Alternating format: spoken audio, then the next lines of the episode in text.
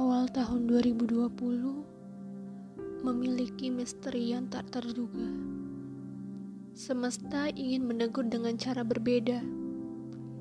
Adanya pandemi COVID-19 yang terjadi seantero negeri ini membuat kita sadar bahwa semesta tidak sedang baik-baik saja.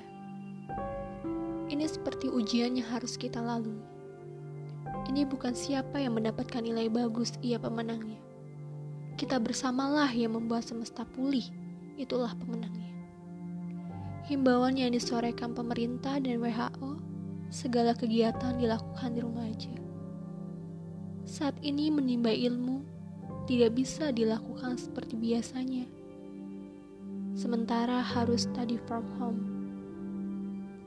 Beberapa pekerja melakukan work from home, adapun para pekerja yang menjadi pahlawan di tengah pandemi ini dengan mengorbankan segalanya secara langsung.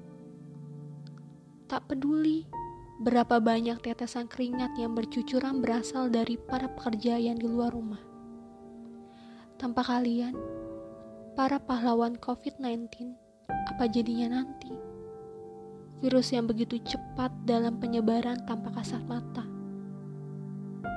Kita semua harus stay safe dengan cara stay at home mencuci tangan, dan jaga kebersihan.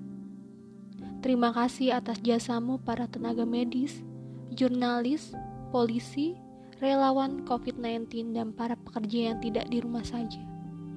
Kita yang dirumahkan membantu mendoakan dan memberi donasi yang tidak sepadan dengan jeripaya kalian.